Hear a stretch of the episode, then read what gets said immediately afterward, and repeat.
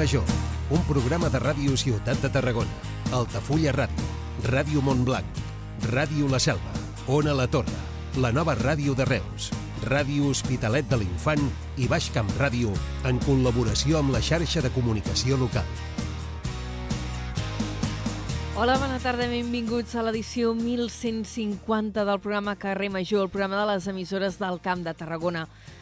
Avui us ho he de confessar, faré el programa trista, i és que ahir se'n va anar abans d'hora sense avisar i sense desitjar-ho en Sergi Xirinacs. Jo li deia al mestre Xiri. Tot just fa un mes i mig l'Oriol Grau, en el pregó de Santa Tecla, va recordar el seu paper essencial en la recuperació de la festa major de Santa Tecla, també del Carnaval, i en la creació de l'Escola Municipal de Teatre Josep Ixart. El Xirinax, el Xiri, com li deien tots els amics, va ser regidor de Cultura a Tarragona en el primer Ajuntament Democràtic. Però també i sobretot era un home de teatre, autor, director, actor. Va estar anys al capdavant del Teatre al Magatzem i ara era el líder del col·lectiu Tecla Smith, amb qui feia col·laboracions regulars amb el Museu Arqueològic de Tarragona, revisant els clàssics, i també a l'antic Ajuntament, on ara tenia un dansa un cicle titulat Dona Smita. Sorneguer, a vegades poca solta, escatològic, en Xiri era un home de cultura en majúscules i se'l trobarà a faltar. Mestre, allà on siguis, bon viatge. I fet aquest petit homenatge, avui la notícia de la jornada a nivell de territori és que el Ministeri de Transports ha tret a licitació la construcció de l'estació de Vallissens per 11 milions i mig d'euros. La nova estació se situarà a tocar del campus de la URB, l'Hospital Sant Joan i tot el Tecnoparc de Reus. En aquesta estació hi pararan els trens de la línia RT1, que és la línia de Rodalies que va de Tarragona a Reus, a més dels trens regionals de les línies R14 i R15. El Ministeri calcula que cada dia la faran servir uns 1.400 viatgers, una xifra que en 30, 30 anys es podria més que doblar. Un anunci que coincideix amb un altre, aquest de política general, i és que el PSOE i Esquerra Republicana han tancat ja un acord per al traspàs integral de Rodalies. Ho han fet en el marc de les negociacions per a la investidura de Pedro Sánchez com a president espanyol un acord que contemplaria el traspàs dels trens, de les vies i del finançament necessari i que es faria per fases. Ja veurem si això deriva en una millora del servei. Són les notícies que marquen l'actualitat d'aquest dijous, d'aquest dia de difunts, d'aquest 2 de novembre. Això és Carrer Major, som les emissores del Camp de Tarragona i us acompanyem fent aquest programa un ampli equip hi ha l'Iris Rodríguez, l'Aleix Pérez, en David Fernández, la Gemma Bufies, en Miquel Llevaries, l'Adrià Requesens, en Jonai González, avui també l'Adrià Tella, que m'ajudarà a l'informatiu, en Pau Corbalan, l'Antoni Mellados, Antoni Mateos, jo sóc l'Anna Plaça i tenim el control tècnic al Iago Moreno. Comencem.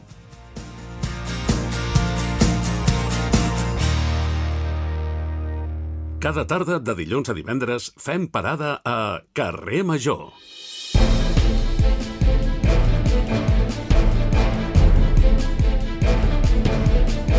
4 i 6 minuts i és moment de repassar en forma de titulars, com fem cada dia en començar el programa, les notícies més destacades de la jornada del Camp de Tarragona. Avui ens acompanya l'Adrià Tella des de Ràdio Ciutat. Bona tarda, Adrià. Molt bona tarda, Anna.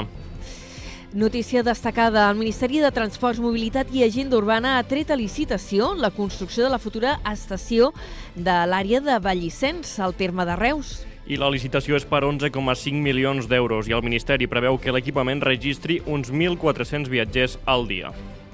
Avui també hi ha hagut un altre anunci important a nivell de territori, aquest a la Conca de Barberà, l'Espluga de Francolí, que pateix des de fa molt la manca d'aigua, tindrà enllestida la connexió amb la xarxa del Consorci d'Aigües de Tarragona, a Malcat, al setembre de l'any vinent. I amb l'arribada de l'aigua de l'Ebre, el municipi preveu resoldre els seus problemes de subministrament. Les obres costaran 1,7 milions d'euros.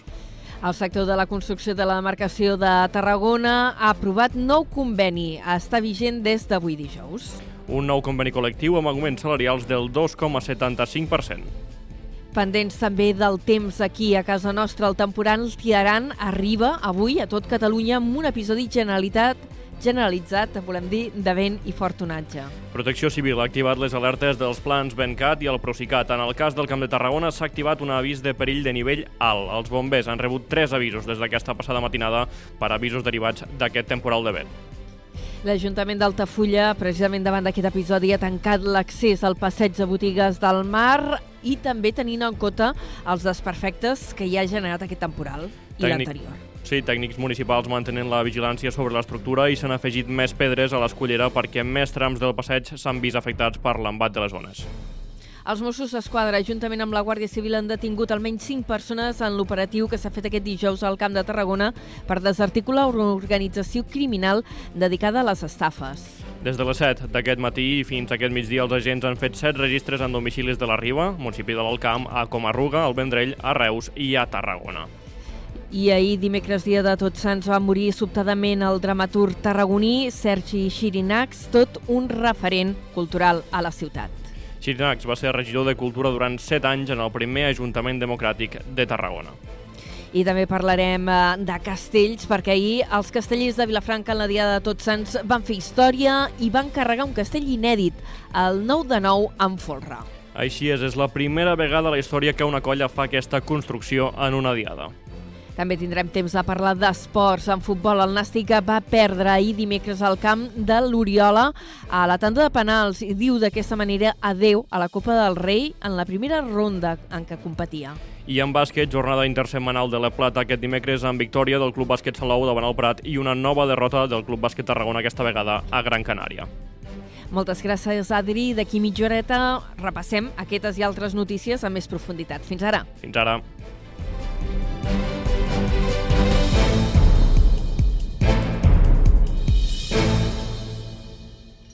Carrer Major. Toni Mateos.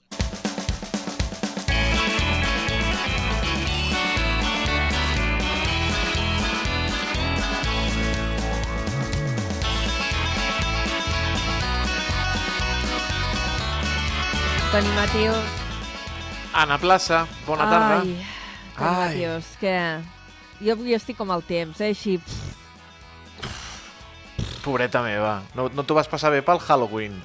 No, bueno, ja he explicat, eh? Que jo, això del xiri m'ha tocat, m'ha tocat l'ànima. Sí, sí, i tant. I el regidor del primer Ajuntament Democràtic de Tarragona, no? És que jo, jo havia fet teatre amb ell. Mm, Va ser un dels meus... O sigui, jo tinc dos mestres teatrals, un és el Pep Grasset i l'altre és Sergi Xirinacs. I, jo, una, Oh. una gran pèrdua, una gran pèrdua pel, pel Camp de Tarragona, tant a nivell social com a nivell polític i, i com no, pel món del, del teatre, una gran pèrdua de la sí, dramatúrgia. sí, molta gent que... El... Doncs Tenia un tal. tractot especial, eh? També t'ho he de dir, eh? Vull dir, Bueno, a és, veure, és d'aquelles persones que despertava igual d'amor que d'odi. A veure, això, això Però ho tenim els genis. Això ho tenim els genis. Sí, a més, feia res, quatre dies que ens havíem vist al teatre, m'havíem segut junts i tot, i una merda tot plegat. Estic, estic trista i estic Ah. enfadada. Bueno, Toni bueno. Mateos, tu m'has d'alegrar el dia. T'he d'alegrar el dia? Doncs mira, M'has d'alegrar el dia. t'he d'alegrar el dia. Mira, eh, el que tenim Tens per aquesta avui. missió a la vida, digues. Anna Andreu, cantant, que actua aquest cap de setmana a la Selva del Camp dins del Festival Accents. O sigui que musiqueta de la bona. Després parlarem, mira, amb el Col·legi de Psicòlegs, amb el doctor Luis Heredia, parlarem eh, sobre l'autoestima. A veure si la pugem una miqueta, que avui està una Home. miqueta baixa, eh? Ai, sí. Sí. Això sempre fa falta. l'Aran Reguant, amb el nostre espai d'ODS de la cooperativa L'Aresta, que parlarà sobre jornades de territori a Santa Coloma de Caral. Més música amb la banda sonora del camp que ens acosta el David Fernández i el Miquel Llevaria se'n va veure una exposició fotogràfica a l'Espai Jove QC de Tarragona. Ah, és el peix bé. per avui, Anna Plaça. És Espero, el peix per avui. I ho Espero tenim tot que- venut. espero que t'aixequi els ànims. Com, com va el preu de llotja? Està va amunt, va avall? va, va, Sí, va, va, bien? va, va amunt, va amunt, va amunt, això. La nena encara belluga. I tant, i tant que sí. Guaita, guaita reina. Bueno, rei, uh, a partir Sembla de la les 5. subhasta del peix, eh? Això, Sí, home, clar, sí, sí. posem-hi, si hem de fer de peixateres, no? Doncs Home, i tant, posem- a la... Ànims, Anna. Toni- Toni. Mateos, uh, sí, gràcies. Uh, a les 5 comences tu. A les Acabo 5 jo i començo jo. comences tu. Petonets. Fins ara, Petonets. adéu.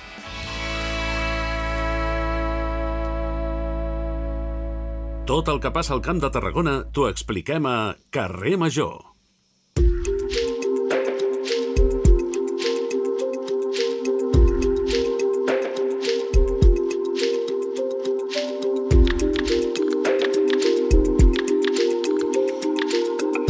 D'aquí un minut i mig serà un quart de cinc de la tarda eh, i ara és el moment d'endinsar-nos en la primera entrevista del programa. Fa tot just fa uns dies es presentava i ho feien a l'Espluga de Francolí les previsions de la collita d'oliva d'aquesta temporada. Ho feien des de la denominació d'origen Siurana unes previsions que es veuen molt condicionades per la meteorologia, per la sequera dels últims mesos, una collita que serà irregular en funcions del territori i, a més, amb uns preus de l'oli que tendeixen a l'alça. De tot plegat, avui en volem parlar amb els responsables de la denominació d'origen protegida d'oli del Siurana i ho fem amb la Montserrat Gelong, que és la seva responsable de comunicació. La tenim als estudis de la nova eh, Ràdio de Reus. Montserrat, bona tarda, benvinguda. Hola, molt bona tarda, Anna.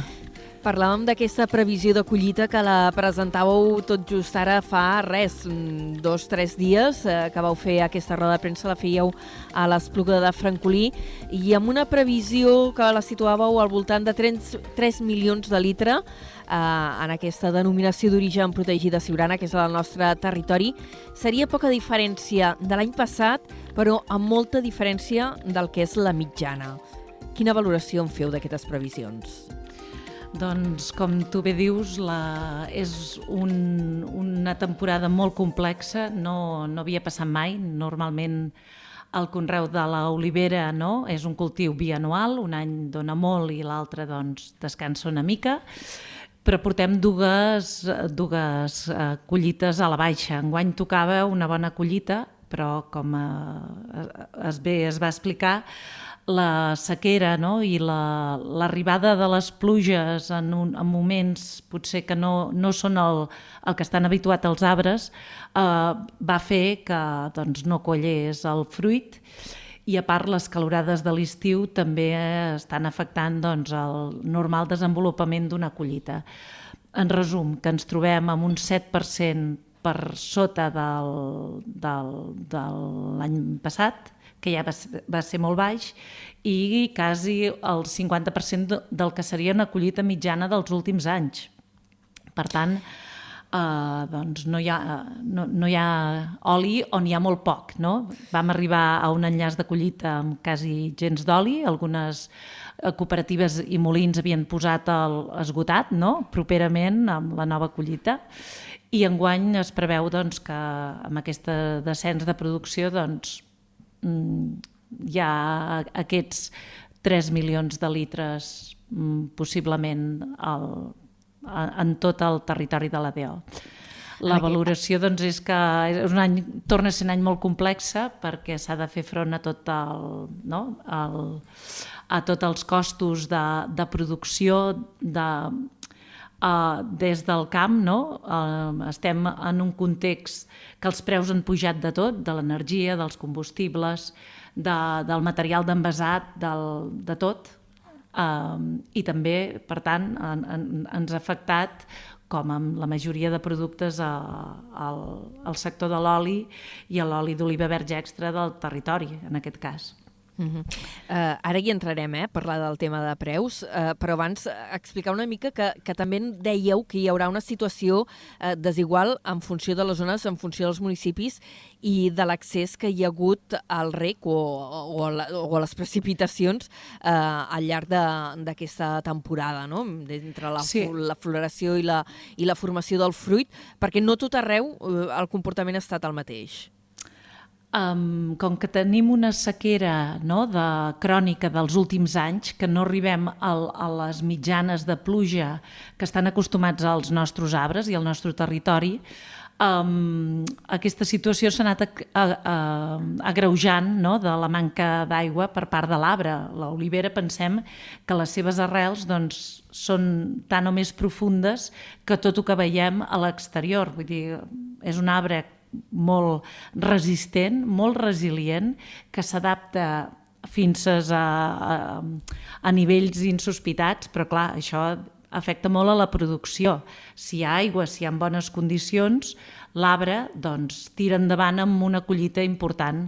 Si, el, si les condicions són crítiques pel que fa a nutrients o pel que fa a l'aigua, doncs l'olivera eh, adequa no, el nivell de producció a, a les possibilitats que té de tirar endavant els seus fruits. Això és una diferència important respecte a altres arbres, que, com l'avellaner, no? d'aquí de les nostres contrades, que tiren endavant amb tota la producció i que si no, hi ha, no té prou aigua o prou nutrients es col·lapsa i llavors es moren els arbres. En el cas de l'olivera, de moment no passa això, però sí que se'n ressent molt la, la producció. I en aquest cas ens trobem en finques on hi ha hagut una mica de rec de suport, eh, de mines o de pous, i hi ha producció d'olives i al costat que els arbres no en tenen cap. Eh, és una situació que els nostres pagesos i pageses ens diuen que és molt estranya, que no ho havien vist. Normalment n'hi ha molt o n'hi ha poc, però un arbre que no en tingui cap al costat d'un que en tingui, doncs no és un fet habitual ni molt menys. Mm.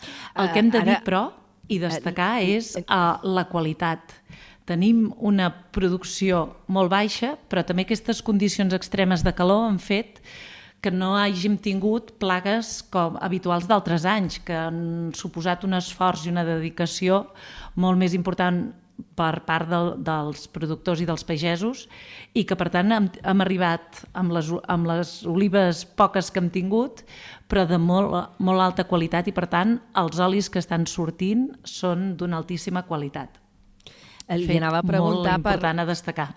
Montserrat, li anava a preguntar també per, uh, per la mida de les olives, perquè entenc que també eh, si hi ha hagut poques precipitacions, uh, les, sobretot a les finques que hi ha hagut menys rec, això també deu haver afectat uh, el tamany i no sé si també la capacitat extractiva que, que, que pot tenir aquest fruit. En uh, el, el tamany, clar, si són molt petitones, molt petitones, doncs hi ha poc oli però l'arbequina ja de per si és una oliva petitona, és de totes les varietats de les més petites i rodonetes.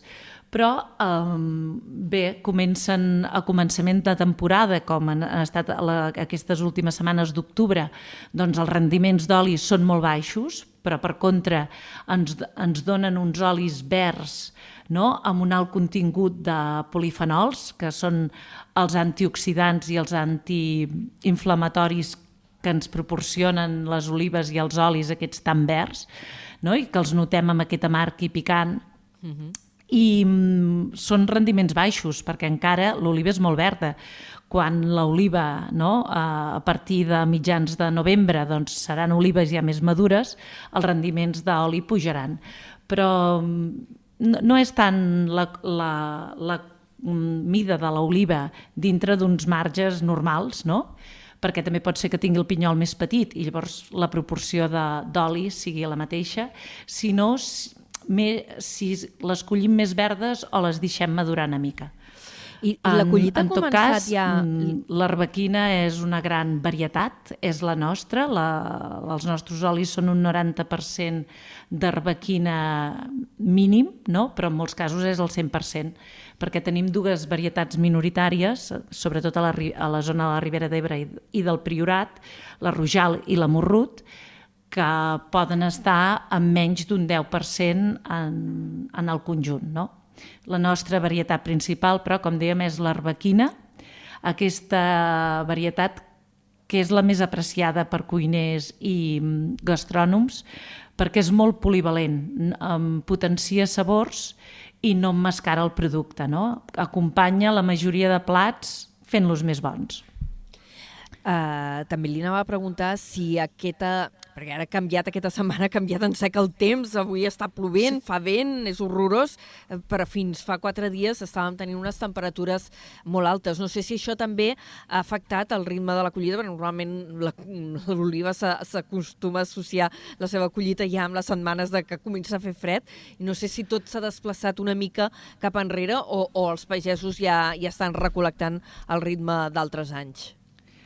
El, la veritat que, com que és un producte natural, no? que tenim al, al, al camp, depenem, tot el sector primari depèn del cel, com, com qui diu, no? depenem de la meteorologia, no? de quin temps fa. Això ens afecta moltíssim. Si fa moltes, molta calor no? i unes temperatures altes, doncs s'avança també sempre una mica la collita. Um, hem de dir que el territori de Siurana, la denominació d'origen protegida Siurana és la més extensa de totes les denominacions d'origen catalanes d'oli, no? perquè abarca set comarques des de la Ribera d'Ebre fins a, uh, i el Priorat, la Conca de Barberà, Ali i Baix Camp, Tarragonès i Baix Penedès, però estem situats en una zona propera al litoral, no? I, el, i algunes oliveres doncs, veuen el mar. Per tant, sempre és dels primers territoris, o el primer, a, a posar en, en producció. No? En comparació amb altres territoris, com pot ser l'Empordà o la zona interior de Lleida, que pel fet de ser d'interior i més de muntanya i una altitud més alta, doncs va una mica més endarrere. Per tant, Siurana sempre començava abans, però enguany han, hem trobat oli nou ja doncs, l'11 i el 12 d'octubre. Això cada any avancem una mica i enguany també s'ha avançat una mica perquè, per començar a tenir oli, perquè molts molins no, l'havien acabat i llavors ja volien uh, proporcionar l'oli nou als seus clients.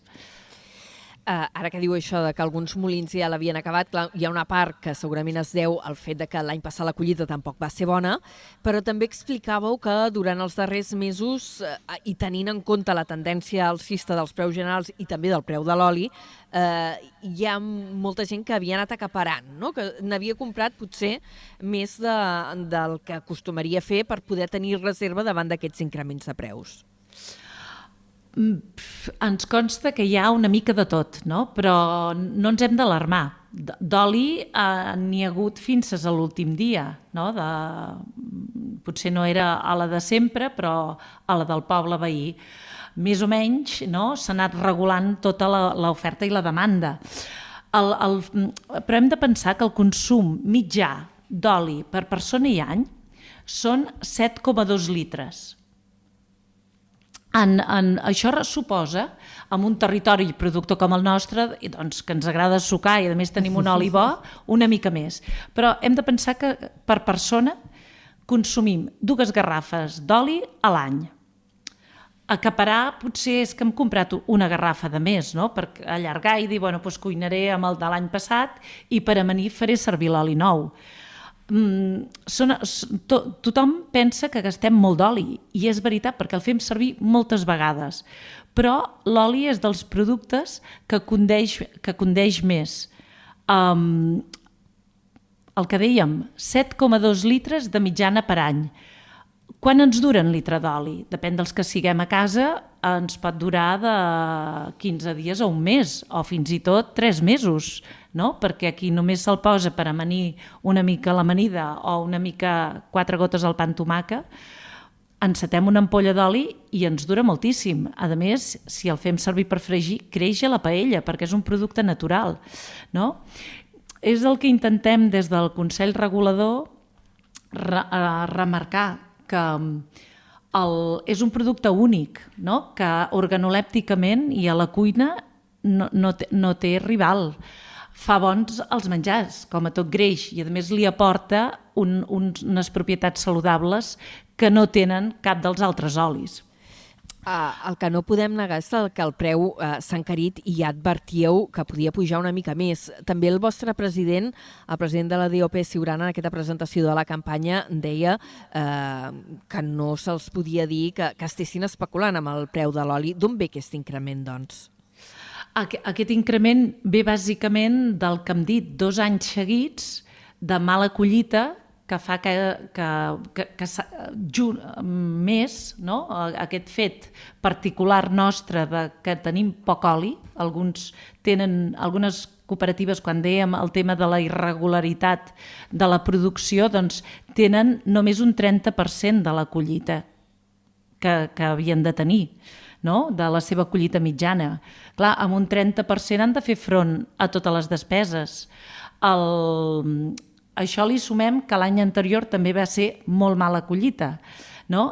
i que ens trobem en un context d'inflació general de, de tots els costos i de tots els productes i serveis no? que, que també ha pujat. Per tant, tot això sumat fa que el preu de l'oli hagi pujat. I també potser és que l'any passat vam ser molt reticents a, a pujar l'oli perquè esperàvem, bueno, no eh, posem tots els increments en guany, perquè, com hem dit, és un cultiu anual. L'any següent hi haurà una bona collita, doncs hi repercutim una part de, de costos a l'any següent.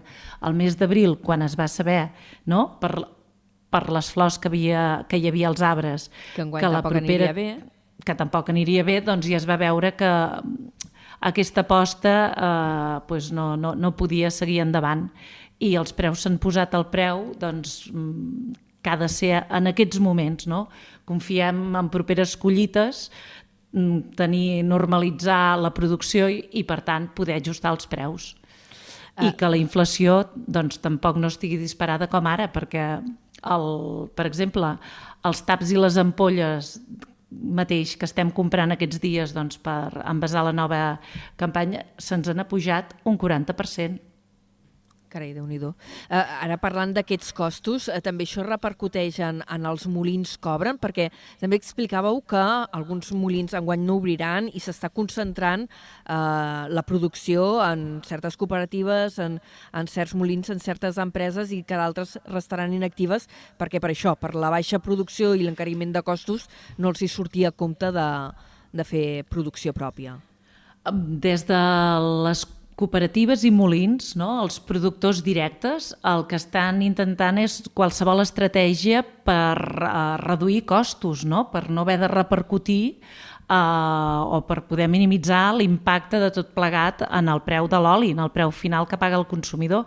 I aquesta n'és una. L'any passat uh, va ser, um, algú va fer, molt poquets, però enguany hi, hi, ha, bueno, hi, ha, hi ha més, eh, és una pràctica més generalitzada de compartir no, un molí, perquè només la despesa energètica de fer anar un molí, premses de cànters, centrífugues, a més, per, per poder oferir aquesta qualitat que oferim des d'un producte com certificat DOP, que és la màxima qualitat, que a més ens ho certifica una empresa externa. Som els únics, les DOPs, que estem obligats a que un extern ens analitzi i ens validi cada lot. El, el, el, aquest fet fa que el molins propers no, n'obrin un um, perquè funcioni 24 hores. El temps entre collir l'oliva i fer l'oli és crític amb la qualitat final. La màxima qualitat ens la dona l'oliva. El pagès l'ha de cuidar molt bé per tenir unes olives bones, molt sanes i molt fresques. I després l'ha de collir amb cura, l'ha de transportar amb cura i ràpidament s'ha de fer el molí, doncs tot el processat, intentant no perdre eh, cap propietat de l'oli, no? Per això es comparteixen eh, molins no? per poder eh, amb una instal·lació doncs, en continu anar fent les diferents partides i que cadascú tingui el seu, el, el seu propi oli amb les seves eh, característiques. Avui a Carrer Major ens està acompanyant la Montserrat Gelón, que ella és la responsable de comunicació de la no denominació d'origen protegida Siurana. Estem parlant de la nova collita de l'oli. La campanya es presentava ara fa pocs dies i el que també s'ha presentat ja és la primera fira que es fa la temporada, que és la Fira de l'Oli de Reus, que enguany arriba a la 26a edició i que es farà d'aquí molts pocs dies, es farà l'11, el 10 i 11 de, de novembre. Serà diguéssim, la primera oportunitat de, de tastar uh, l'oli nou de, de bona part de, dels vostres productors, no? que formen part de la DOP Siurana. Exacte, la Fira de Reus s'ha consolidat com la Fira de l'Oli Nou, la primera de Catalunya, no? en fer eh, molts productors diferents, perquè de festes i de, de l'oli nou doncs, ja n'hi ha, ja ha no? aquest, aquest diumenge comencem eh, aquí mateix, a, a la denominació, doncs, amb Cambrils i amb Riudoms.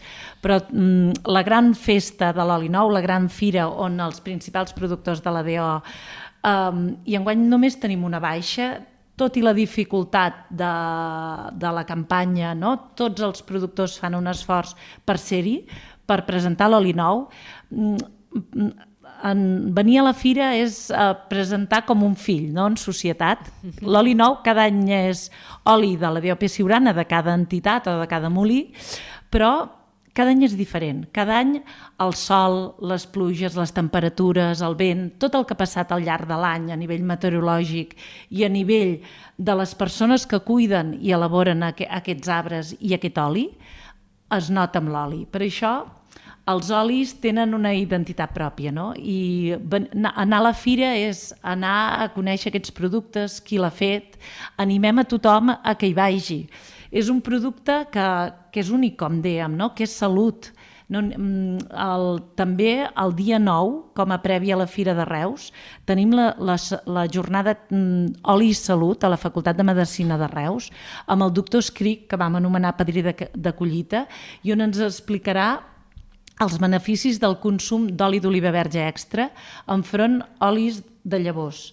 Mm, va dir de forma contundent en la presentació que, el, que els olis verges frenen el desenvolupament del càncer de mama no? i en alguns casos ajuden fins i tot a combatre'l. Uh, en canvi, els olis de llavors acceleren aquest procés. No? Convidem a tothom una jornada divulgativa superinteressant no? i que ens afecta doncs, a gran part de la població, o tota, perquè a part del càncer de mama doncs, també han trobat beneficis en altres tipus de càncer. Um, um, com a producte únic no? que destacava el doctor el, el fet de l'oli, de l'oli verge, de l'oli verge extra. A més, és boníssim, és el nostre component bàsic de la dieta mediterrània no? Som hereus d'una tradició que la resta del món ens enveja. Um, l'hem de cuidar i l'hem de, de, de potenciar. És un cultiu sostenible, no? és el que manté els paisatges dels nostres pobles, dona vida a, a, a gran part del territori, sobretot al d'interior uh, fa de tallafocs, uh, evita l'erosió, um, és, manté la biodiversitat dels nostres camps. No? Per tant, són, és molt més que, que un aliment, l'oli. Consumir oli del territori o d'altres productes del territori, però en aquest cas ens estem centrant ara en l'oli d'OP Siurana, és mantenir uh, la nostra qualitat de vida, la no, el nostre medi ambient. Eh, permetin que li pregunti també Montserrat, i amb això aniríem acabant l'entrevista, perquè ara hem parlat d'aquesta 26a Fira de l'Oli de Reus que es farà el 10 i 11 de novembre. Normalment també feu Fira de l'Oli a Tarragona. Teniu ja les dates con concretades? Sí, a Tarragona serà 15 dies després, el 24 i 25, i enguany en les dues fires portem novetats, sobretot ah. eh, per a nivell pedagògic, fer cultura d'oli, no? a través d'un joc, no? convidem a tothom a participar en grup per conèixer els olis, també una aplicació mòbil perquè tothom pugui tastar i aprendre a valorar i que li quedin les seves valoracions a la, no? enregistrades per en recordar-se'n que en l'oli s'ha de mirar el fruitat, el dolç, l'amarg i el picant i que això sigui equilibrat um, hi haurà chunk cookings, tallers de tas, convidem a tothom que passi, que disfruti i com a novetat enguany també en les dues fires uh, a la de Reus l'esmorzar solidari amb la Marató de TV3 i a la de Tarragona el vermut solidari amb el Banc d'Aliments que coincideix amb el Gran Recapte. Mm. Doncs perfecte. Digues, digues, Montse. No, només t'he dit, Anna, que al, al començament deies que a veure si la tarda et portava coses bones, no? que havies sí. tingut una pèrdua important. Sí. Doncs aquí et deixarem una ampolleta d'oli d'oliva ah, verge gràcies. extra. Haurem no? de quedar que... tot, tot l'equip de carrer Major i fer un bon pa torrat amb oli nou. Doncs segur que us anima perquè es, a través de la ràdio podem explicar moltes coses, però el que no us podem explicar però si els vostres companys d'aquí a Reus poden veure, és el color preciós verd-groc, un color verd d'esperança i les aromes de l'oli nou. Que això us convidem a venir a la fira o al productor més proper que tingueu a tastar-lo. Doncs amb moltes ganes de tastar-lo ens ha acompanyat la, la Montserrat Jalón, que és responsable de comunicació de la DOP Siurana. Moltes gràcies per haver-nos acompanyat avui a la tarda. Gràcies a Valtros. Fins ara, una abraçada. Carrer Major, al Camp de Tarragona, des de ben a prop. Són les 4 i 38 minuts i és el moment d'endinsar-nos ara amb detall. Abans fèiem la punt en titulars, ara hi entrem a fons en les notícies del dia. Avui ho fem acompanyats de l'Adrià Tella des de Ràdio Ciutat de Tarragona. Adri, bona tarda de nou. Bones de nou, Anna. La notícia de portada és per aquest anunci que ha fet el Ministeri de Transports, Mobilitat i Agenda Urbana, que hi ha tret a licitació la construcció de la futura estació de l'àrea de Vallissens, a Reus. Sí, una licitació que és per 11,5 milions d'euros des de la nova ràdio de Reus, David Fernández. La nova estació ferroviària estarà connectada amb la xarxa de rodalies del Camp de Tarragona i circularan trens de les línies RT1 entre Tarragona i Reus i també trens regionals de les línies R14 entre Barcelona i Lleida i de la R15 entre Barcelona i Ribarroja d'Ebre. En total s'espera que es doni servei a 1.400 passatgers al dia, una xifra que, com ja es va apuntar, podria arribar als 3.500 en 30 anys. L'estació disposarà de dues andanes de 220 metres quadrats amb marquesines i espais d'espera. A més, també es connectarà amb el campus Vallissens de la URB i la futura estació d'autobusos a través d'un nou pas urbà. A banda, el Ministeri es troba avançant en la redacció del projecte de l'estació entre Reus i Vilaseca, que connectarà tant amb l'alta velocitat com amb la xarxa convencional. Moltes gràcies. Un anunci important per la mobilitat del territori, aquesta futura construcció de l'estació intermodal de Vallissens. A banda, l'Espluga de Francolí tindrà enllestida la connexió amb la xarxa del Consorci d'Aigües de Tarragona, amb la xarxa del CAT, l'aigua de l'Ebre, al setembre de l'any vinent. Amb l'arribada d'aquest recurs al municipi preveu poder resoldre els seus problemes de subministrament. Les obres costaran 1,7 milions d'euros finançats en bona part per l'Agència Catalana de l'Aigua i també amb el suport de la Diputació. Des de l'Espluga FM Ràdio, Pep Morató.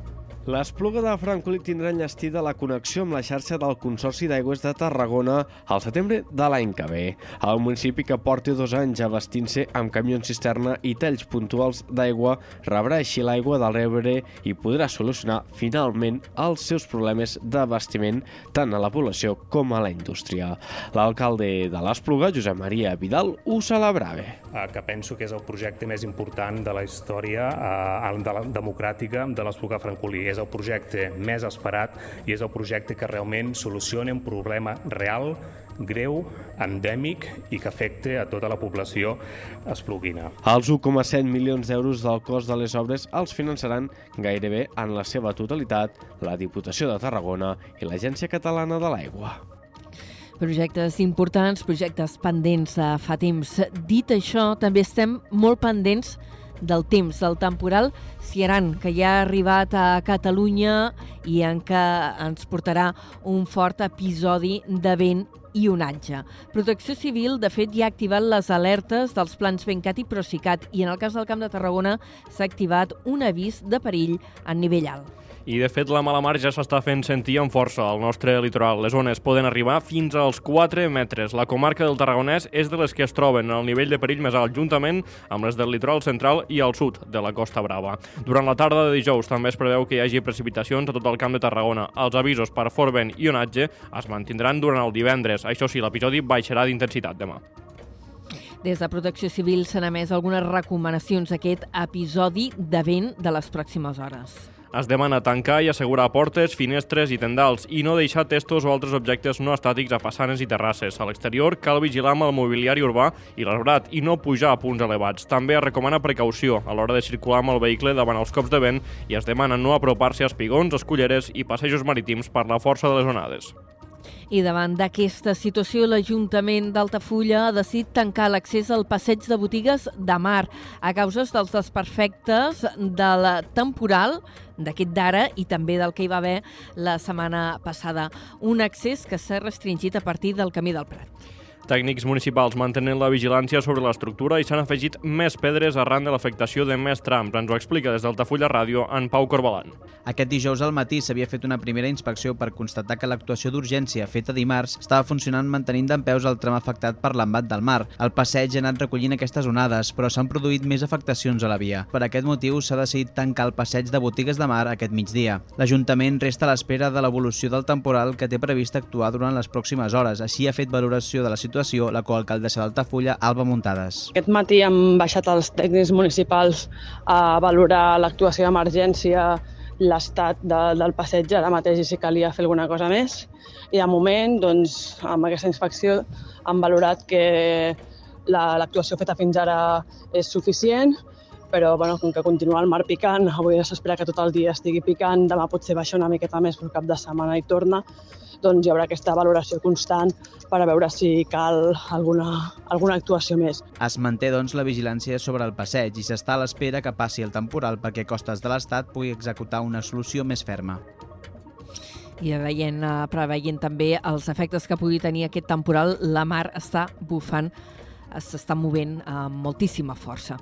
Més qüestions. En l'àmbit laboral, el sector de la construcció de la marcació de Tarragona té un nou conveni des d'avui dijous. Un nou conveni col·lectiu amb augments salarials del 2,75%. Ens ho explica des de Ràdio Ciutat de Tarragona en Miquel Llaveria. El sector de la construcció de la demarcació de Tarragona signa un nou conveni amb un increment salarial del 2,75% amb una vigència des de l'1 de gener de 2022 fins al 31 de desembre de 2026. El conveni també incorpora novetats com l'ampliació de la subrogació del personal de la indústria química i l'ampliació de la prima especial a les feines de manteniment. A més, també s'estableix un plus de parada de 5 euros i s'incrementa el valor de la dieta. En paral·lel, s'assignarà el calendari laboral pel 2024, que contempla 1.736 hores. D'altra banda, també s'ha acordat la implementació de la figura del delegat d'Igualtat i la regulació de la visita mèdica sense limitació amb justificant. Aquest nou conveni afecta a més de 17.000 treballadors de la demarcació i des d'UGT han valorat positivament aquest acord. Moltes gràcies, Miquel. I tancarem aquest primer bloc de l'informatiu amb un apunt eh, policial. Els Mossos d'Esquadra, conjuntament amb la Guàrdia Civil, han detingut almenys 5 persones en l'operatiu fet aquest dijous al Camp de Tarragona amb l'objectiu de desarticular una organització criminal dedicada a les estafes. Des de les 7 del matí fins aquest migdia els agents han fet 7 registres en domicilis de la Riba, municipi de l'Alcamp, a Comarruga, al Vendrell, a Reus i a Tarragona. En aquesta darrera ciutat els cossos policials han fet entrades en 4 punts, entre ells un habitatge del carrer Ramon i Cajal i en un altre del barri de Sant Pere i Sant Pau. La investigació està sota secret d'actuacions.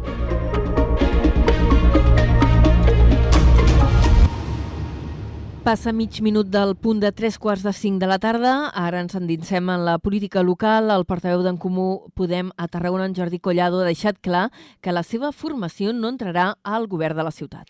Collado defensa que no contemplen entrar en un govern en minoria, prefereixen deixar-ho com està ara si aquesta és l'única opció. Afirma que l'única fórmula viable seria un govern amb majoria d'esquerres, una situació que, ara mateix, a dia d'avui, sembla molt complicada per la posició d'Esquerra Republicana. Escoltem les declaracions de Jordi Collado al programa Bon Dia Tarragona de Ràdio Ciutat de Tarragona. No, no entrarem al govern. Nosaltres hem explicat per activa i per passiva que, un, no formarem part d'un govern en minoria, ja sabem de què va, i en això no jugarem, és a dir, si no som capaços d'establir majories clares i àmplies, el govern està bé com està, nosaltres no, no hi anirem a més. Perquè la gent doncs, ens entengui, vostès només entraran en un govern que fos del Partit dels Socialistes, Esquerra Republicana i en Comú Podem. En, en, en l'aritmètica d'aquest Ajuntament, evidentment, l'única fórmula viable és aquesta. Només formarem majoria, o sigui, només formarem part d'un govern amb majoria d'esquerres.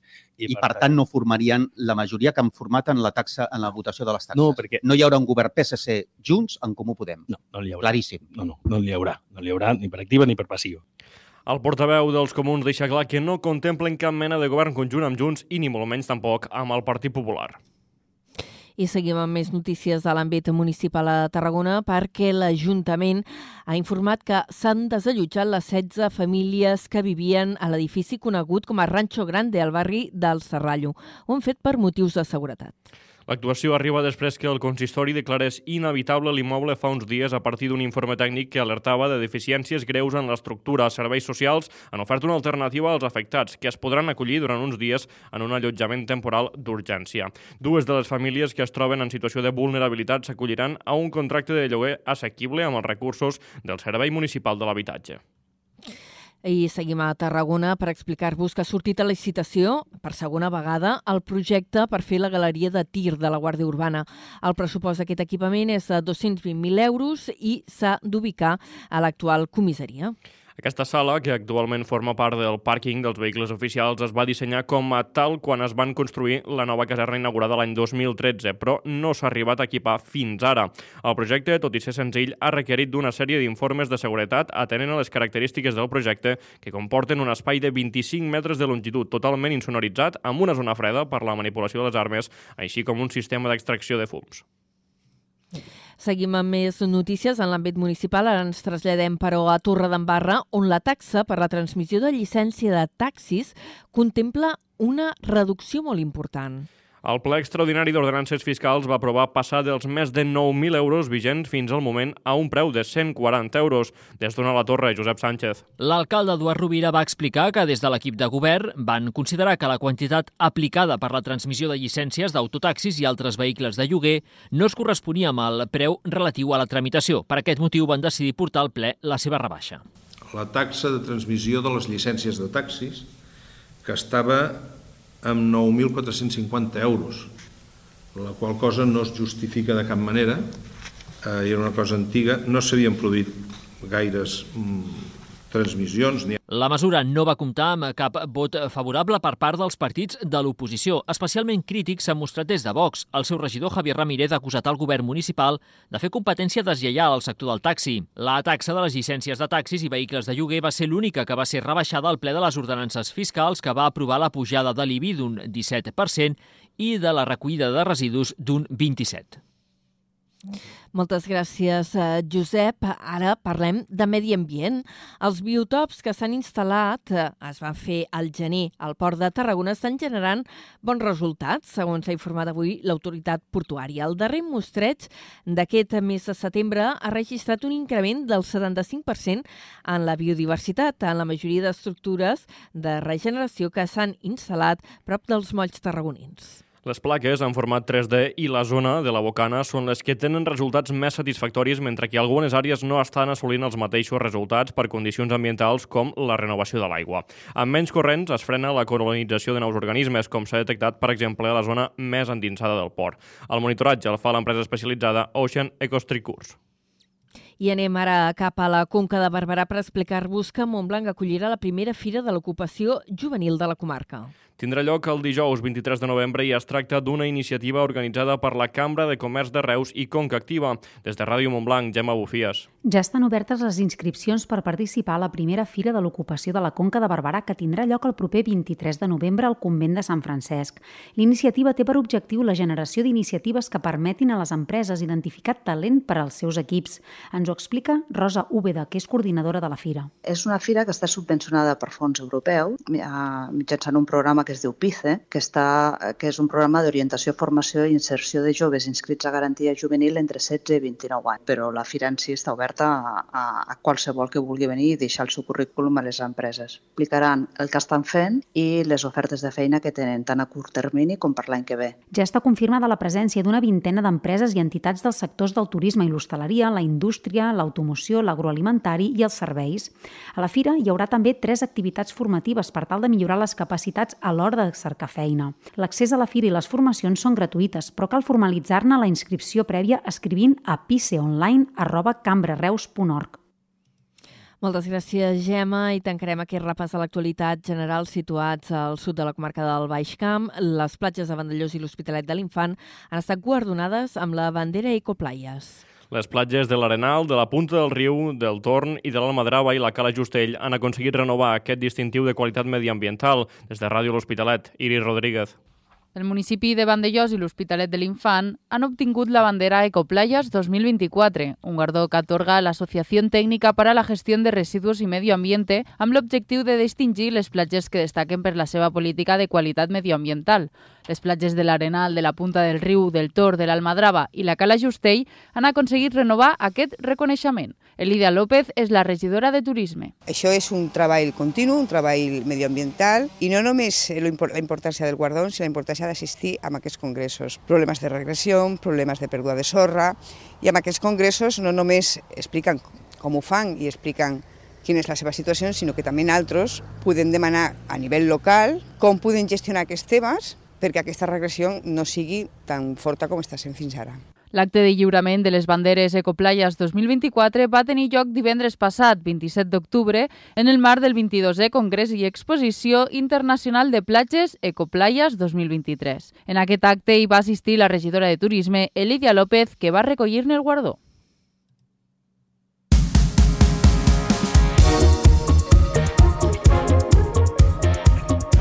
I 53 minuts. En esports repassem resultats. D'una banda, el negatiu del Nàstic, que ahir dimecres va perdre al camp de l'Oriola a la tanda de penals.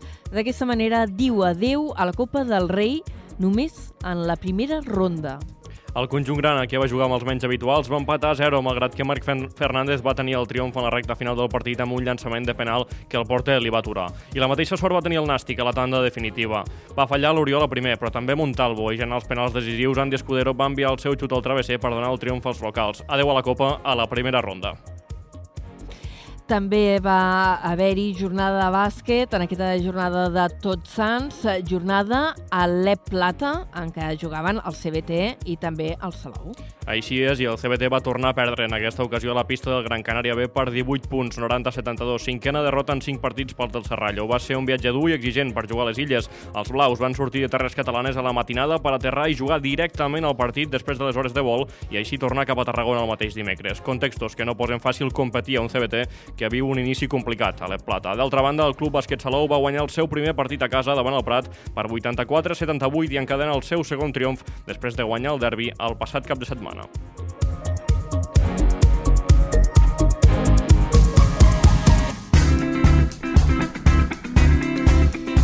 I la plana cultural avui ve marcada per un punt trist, el de la mort prematura i inesperada del dramaturg i actor i director tarragoní Sergi Xirinacs va morir sobtadament ahir dimecres, un referent a la ciutat en matèria cultural.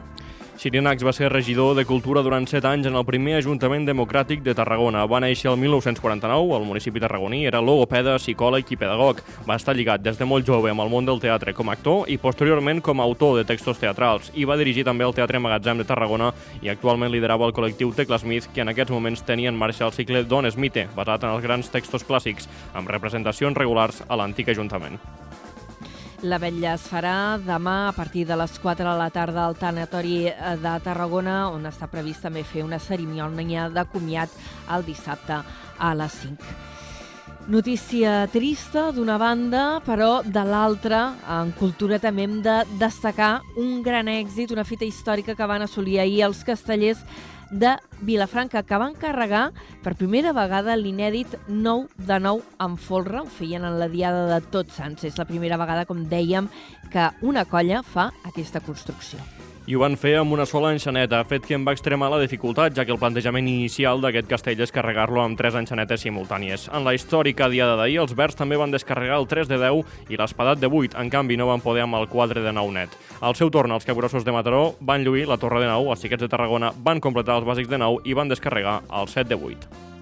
I acabarem amb una prèvia i és que avui comencen ja les sessions prèvies al Festival REC. El Festival REC enguany eh, s'avançarà una setmana respecte al que és habitual. Es farà aquest mes de novembre, a finals de mes, però des d'avui mateix ja comencen les projeccions prèvies per anar fent boca de cara a aquest festival. Avui concretament eh, comencen les projeccions que es faran al Caixa Fòrum Tarragona amb un cicle específic que està dedicat a descobrir els nous talents del cinema africà. Seran quatre projeccions, totes elles en dijous a la tarda com a prèvia d'aquest Festival Rec, que enguany es farà també en novembre. Dit això, acabem la primera hora de Carrer Major. Ara a les 5 agafa el relleu Antoni Mateus. Fins després. Adéu-siau.